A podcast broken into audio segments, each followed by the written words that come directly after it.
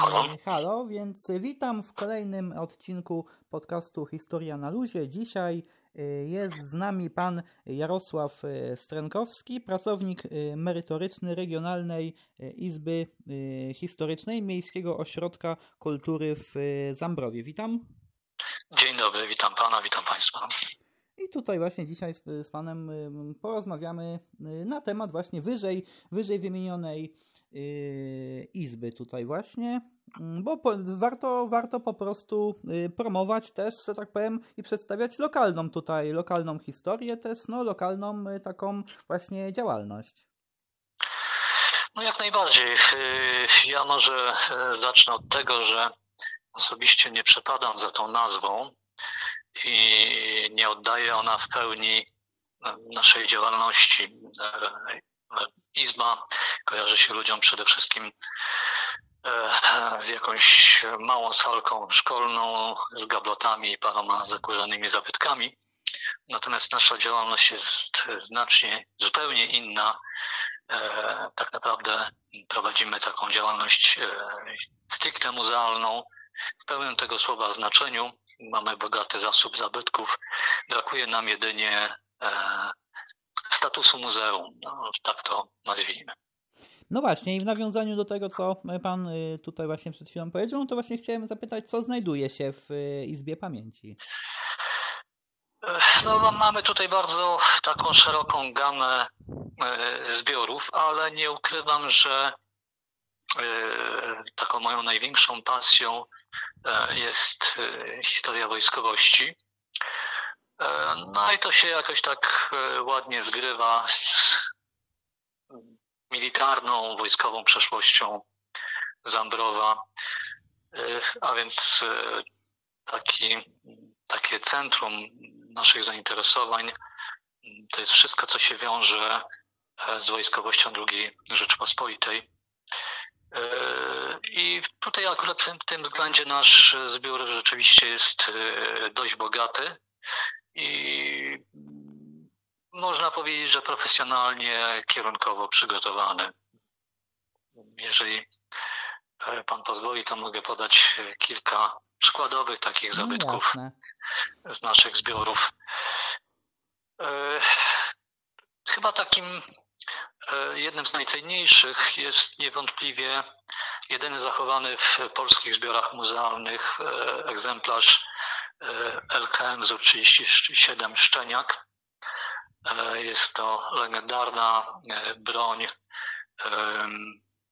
którą stosowano e, w samolotach, w niektórych samolotach P-37 Łoś, w samolotach P-46 Zoom i w niektórych samolotach P-43. Oprócz naszej instytucji żadne inne muzeum w Polsce takiego egzemplarza mm, nie posiada.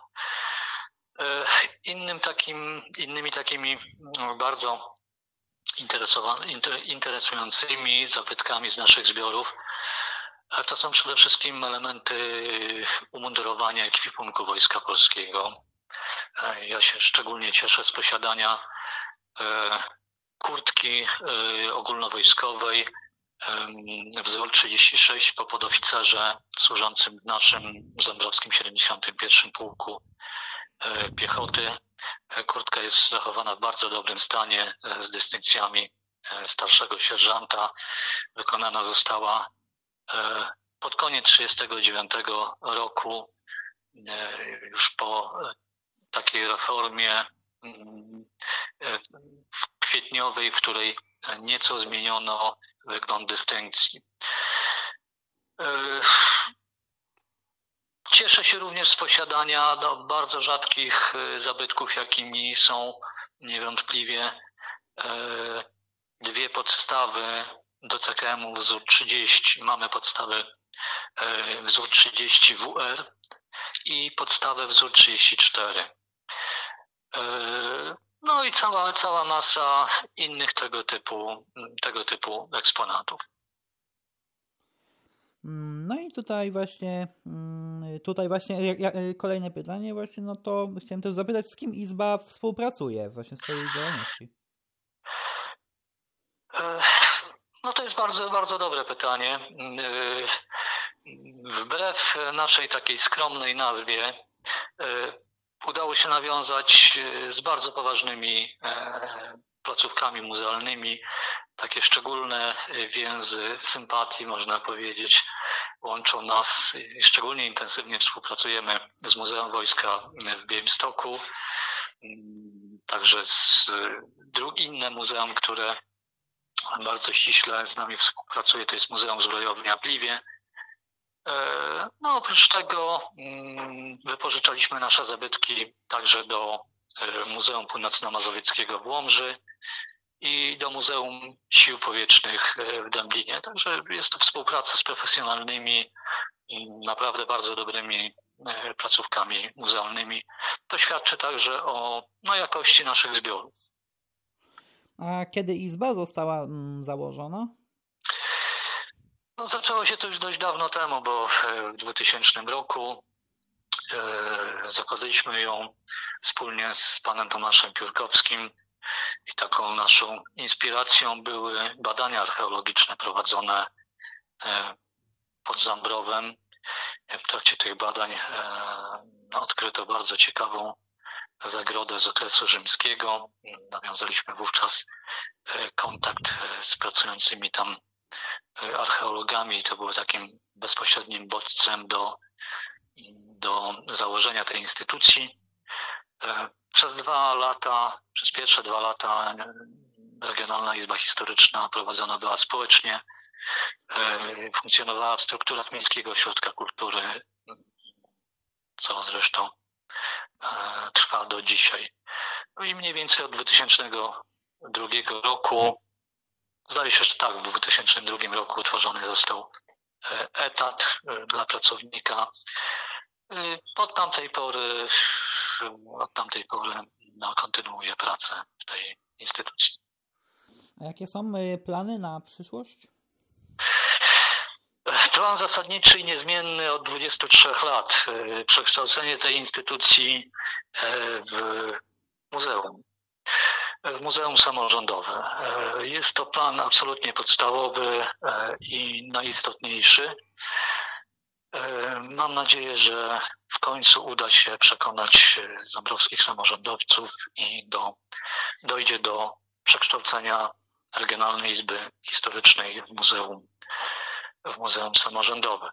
E, to jest taki plan numer jeden. E, no ale oczywiście mamy także inne plany. Nasza instytucja oprócz gromadzenia i udostępniania zbiorów, co jest takim najważniejszym zadaniem statutowym, E, prowadzi także bardzo szeroką inną działalność, między innymi działalność wydawniczą. E, do tej pory udało się wydać cztery książki. W tej chwili e, pracujemy nad innymi wydawnictwami. Między innymi przygotowywane jest przygotowywane są do druku wspomnienia. No to jest w ogóle niesamowita historia.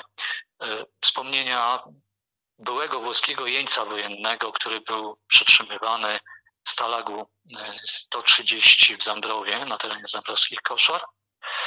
E, e, z tego obozu udało mu się zbiec i dzięki pomocy okolicznych mieszkańców Angelo Raffinella, bo tak się ten ufieniec nazywał, przeżył, no i wrócił do domu.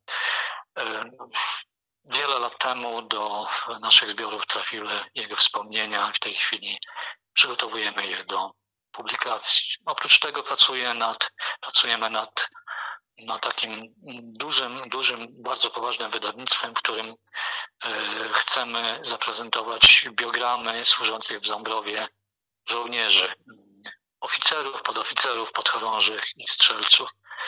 E, łącznie będzie to no, no bardzo dużo nazwisk. Według takich wstępnych szacunków powinno tam się znaleźć około 10 tysięcy e, biogramów. No jest to praca na wiele, wiele lat. No właśnie, no to też y, tutaj właśnie pozostaje y, y, zaprosić tutaj właśnie słuchaczy do właśnie do, do, do Izby właśnie, aby mogli, no aby mogli zapoznać się z tym, co Izba oferuje, a na początek też na początek też warto właśnie zajrzeć na, na fanpage tutaj właśnie, nie? Bo też prowadzicie fanpage, czyli też jakoś, jakoś też tutaj działacie właśnie w, w, że tak powiem, internecie i wtedy no ludzie po prostu wie, wiedzą o waszym ym, istnieniu, nawet spoza regionu waszej działalności. E, Zgadza się, przy czym ja od razu tutaj samokrytycznie przyznam, że e, jakoś tak osobiście nie przepadam za mm, internetową formą działalności, co czemu przeczy pozornie akurat ta nasza dzisiejsza rozmowa, ale jakoś tak rzeczywiście w tym kierunku no, nasze działania są jak gdyby no, troszeczkę skromniejsze. Ja wolę takie bardziej bezpo, bezpośrednie e, formy. E, e, także e, na naszym fan- fanpage'u może ta działalność wyglądać będzie bardzo skromnie, ale mimo wszystko zachęcam do, do, do zajrzenia. Mm, właśnie i tutaj ja jeszcze raz chciałem y, podziękować właśnie za, za pozytywną odpowiedź na, na zaproszenie, za podzielenie się tutaj y, informacjami właśnie. No i też dziękuję słuchaczom za wysłuchanie dzisiejszego odcinka. Ja bardzo dziękuję. Każda forma promocji dla naszej instytucji, każda forma promocji naszej instytucji jest, jest dla nas bardzo, bardzo cenna. Także dziękuję za zaproszenie do, do dzisiejszej rozmowy. No i jak ja to zawsze mówię, to by było na tyle i do usłyszenia w następnym odcinku. Dziękuję bardzo. Do usłyszenia. Do widzenia.